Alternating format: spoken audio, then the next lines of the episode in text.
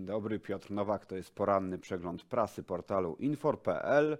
Dziś 28 grudnia, dzień będzie trwać dzisiaj 9 godzin, a będzie dłuższy od tego najkrótszego w roku. Uwaga, uwaga, o całe 60 sekund, także każdy kolejny dzień już nieubłaganie przybliża nas do wiosny.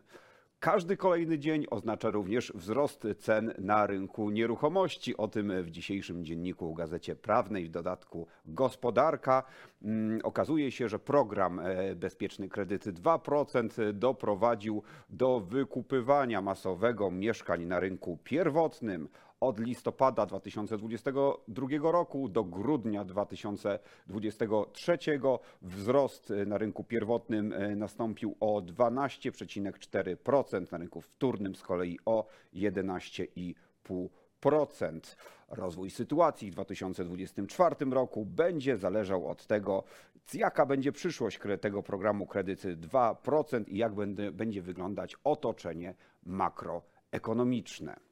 Uwaga, uwaga, ważna informacja dla księgowych, bowiem jest nowy numer niezbędnika każdej księgowej, czyli biuletyn VAT, a w nim niezwykle ciekawy artykuł mm, skierowany przede wszystkim do przedsiębiorców, którzy obdarowują różnego rodzaju influencerów i generalnie wysoko zasięgowe osoby w social mediach e, tak zwanymi gratisami.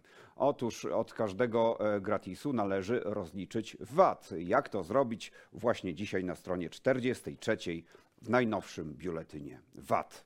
Mamy również nowy numer e, polityki, a tutaj taka trochę sentymentalno-analityczna mm, sprawa a mianowicie dwie dekady miliardów. Chodzi o miliardy z Unii Europejskiej. Wszyscy przyzwyczailiśmy się już do tego, że te pieniądze napływają do nas szerokim strumieniem, ale to już jest ostatni czas, bowiem ten budżet kończy się w roku 2027 roku o znaczeniu środków unijnych, a także o braku tychże e, z okazji zablokowania przez Komisję Europejską środków z Krajowego Planu Odbudowy, pisze Cezary Kowanda. Tutaj też bardzo ciekawy cytat z Pawła Wojciechowskiego, byłego ministra finansów. Co ciekawe w rządzie PiSu, Brak unijnych środków zmniejsza poziom inwestycji rządowych o 20%. Według moich wyliczeń każdy z nas stracił przez konflikt z Brukselą 3,2 tysiąca złotych do końca 2023 roku.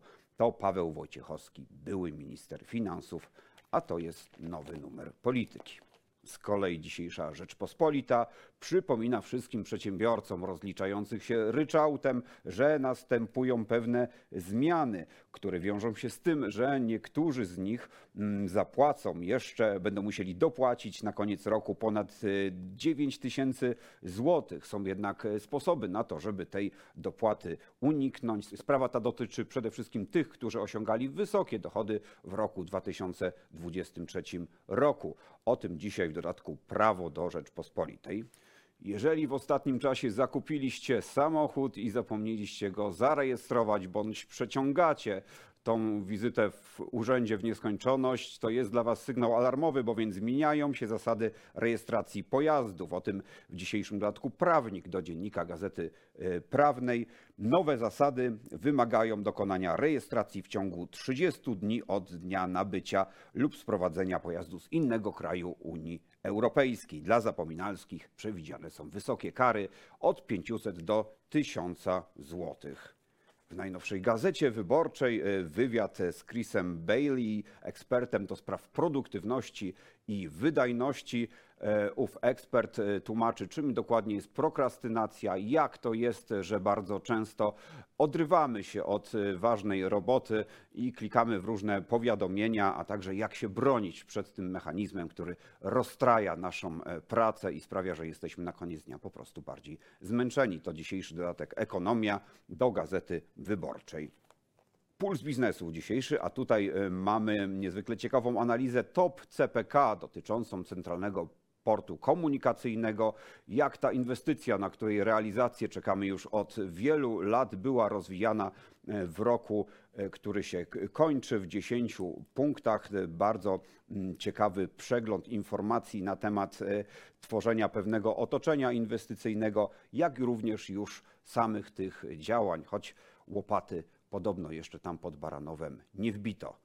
Wracamy jeszcze na moment do Rzeczpospolitej, bo tytuł ten łagodzi nasze lęki związane ze sztuczną inteligencją. Obawiamy się czasami, że zabierze nam ona pracę. Tymczasem okazuje się, że sztuczna inteligencja według badań Autonomy Research e, zwiększy naszą produktywność, co przyczyni się do poprawy równowagi pomiędzy naszym życiem zawodowym a prywatnym.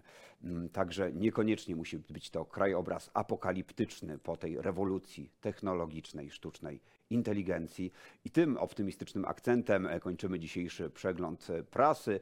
Ja zachęcam niezmiennie do śledzenia informacji biznesowych i gospodarczych na portalu infor.pl. Kłaniam się nisko, Piotr Nowak. Do zobaczenia.